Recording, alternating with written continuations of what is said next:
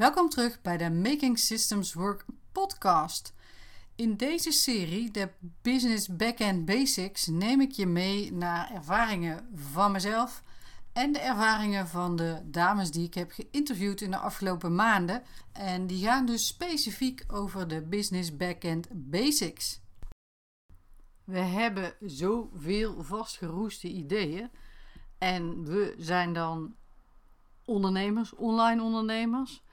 En dat gaat dan over wat moeilijk is, over wat moet en wat niet, over wat succesvol is, over uh, hoe je je marketing moet doen en vooral niet, en wat je wel mag zeggen op LinkedIn en wat niet, en wat op Instagram en uh, hoe je je Facebook moet doen, nou ja, whatever, allemaal dat soort dingen. Enzovoort, enzovoort. Ik kan er nog een heel rijtje aan toevoegen. En hey, ik maak mezelf daar net zo goed schuldig aan. Um, maar het valt me op. En daarom dacht ik, ik wijd er een podcast aan. Want dit geldt ook over het systematiseren van je business. En daar ben ik het dan niet zo mee eens dat het moeilijk is. Of dat ik vastgeroeste ideeën heb over dat het moeilijk zou zijn. Um, en wat bedoel ik met het systematiseren van je business? Dat is eigenlijk dat je achter de schermen de processen in je business inricht, automatiseert wat kan. Om slimmer samen te kunnen werken met mensen met wie je samenwerkt. Of dat nou experts zijn, of teamleden, VA's, hoe jij ze ook noemt of wil noemen. Ik hoor namelijk van ondernemers heel vaak dat in hun bedrijf dat niet nodig is. Dat het te veel is, te, een overkill. Um, maar ook dat het ingewikkeld is en een hoop gedoe. En zeker als je het dan hebt, dat het dan um, ja, vast roest in de kast of zoiets. Dat is natuurlijk klets. Of je er iets mee doet, dat is natuurlijk aan jou. Maar je gaat niet investeren in iets waar je niks mee gaat doen. En het is al helemaal niet ingewikkeld. Of liever gezegd, het is zo ingewikkeld als je het maakt. Het kan namelijk ook heel erg simpel. En net als met heel veel andere dingen, eh, kies je of je het heel ingewikkeld maakt of niet. En tuurlijk, ook net als met heel veel andere dingen, het is een valkuil om het te ingewikkeld en te perfect en te volledig te maken.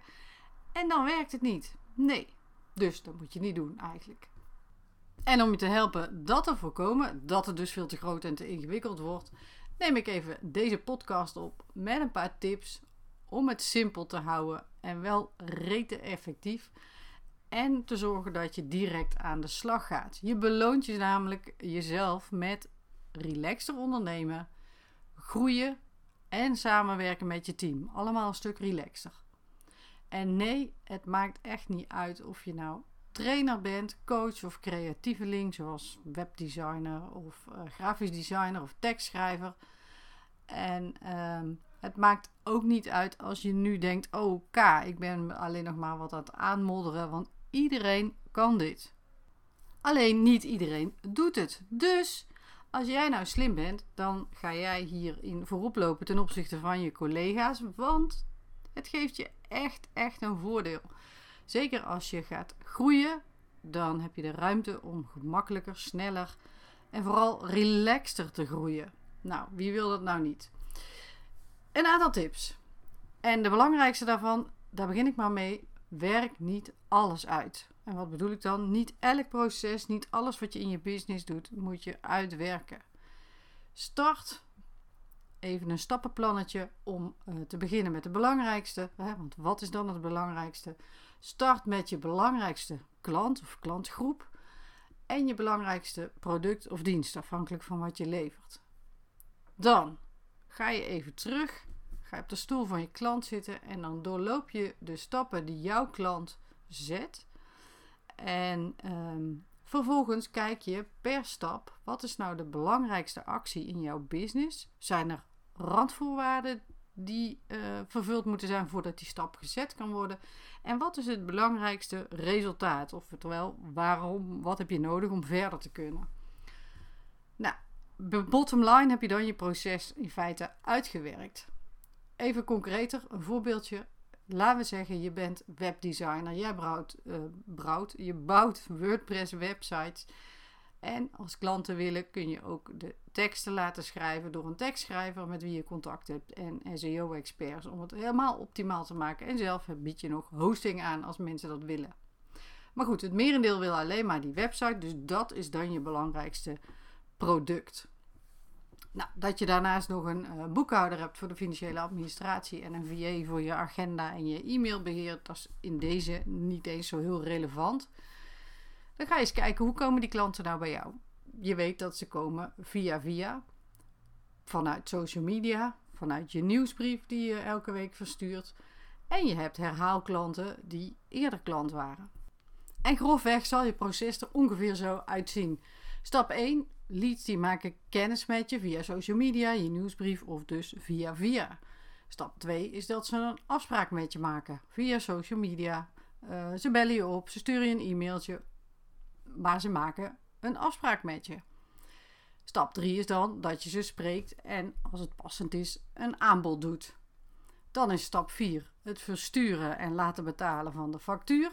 En als dat niet gebeurt, dan ga je misschien wel niet eens aan de slag. Stap 5 is dat je de website bouwt. Stap 6, dan verwerk je nog feedback van je klant. Wat je dat in samenspraak doen. Stap 7 is de aanpassen, het aanpassen van de site, testen en finaal opleveren. En dan heb je stap 8 misschien nog als afsluitende call na de oplevering. Nou, dit is natuurlijk heel hoog over en er zitten alvast allerlei variaties in. Ehm, maar zoals je ziet is dit niet exact je klantreis. Een klein stukje, maar voor een heel groot deel is dat ook wat achter de schermen wordt ingeregeld. In dit proces hoog over. Zorg dat het voor jou ook passend is, maar maak het niet veel, veel meer gedetailleerd. Dan match je de teamleden daarbij als je die hebt. En uh, per stapje zet je ook eventueel software die je inzet om die stappen te ondersteunen. En voilà, je hebt een rudimentair proces uitgewerkt. Een half uur? Langer heb je daar echt niet voor nodig. Sla dit dan op op een plekje dat voor iedereen in het team toegankelijk is en gebruik het dan ook. En bijvoorbeeld bij nieuwe teamleden die je wil onboorden of toetsen met je teamleden, dat is eigenlijk stap 1 dan weer. Kijken of het klopt. Bij de volgende klanten toets je gewoon, ga je na of dit proces ook daadwerkelijk, zoals jij het beschreven hebt, dat het ook doorlopen is. Klopt het? Ga dan eens kijken wat er sneller, gemakkelijker en slimmer kan. Dus processen uitwerken leek nog een hele tour, maar nu denk ik niet meer. En ik geef je een voorbeeld van um, Lisbeth Uithol van No Madness in My Bus. Die werkt volledig locatie onafhankelijk. En in ons interview, podcast nummer 3 was dat, uh, deelde zij dat de community manager die zij had uh, aangesteld, omdat ze zelf uh, wat meer uit die rol wilde stappen, dat die zo aan de slag kon. En dat kon alleen maar omdat het proces goed was uitgewerkt. Zodanig dat die nieuwe community manager een korte instructie nodig had en vervolgens de boel eigenlijk vrij probleemloos naadloos kon overnemen van Lisbeth. Hoe cool is dat? Dus dan heb je ook je beloning, zeg maar.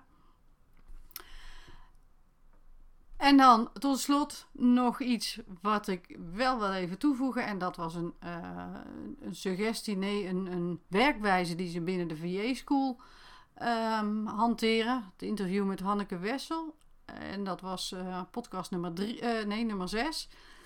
Als je processen hebt uitgewerkt, en dat maakt dus helemaal niet uit in hoeveel details en hoe goed ze zijn beschreven, dus hoe rudimentair ze ook zijn en je gaat iets aanpassen, hoe klein dat dan ook is, op basis van bijvoorbeeld van ik heb het naast me liggen en ik ben bezig in datzelfde proces en ik merk dat er iets niet goed is.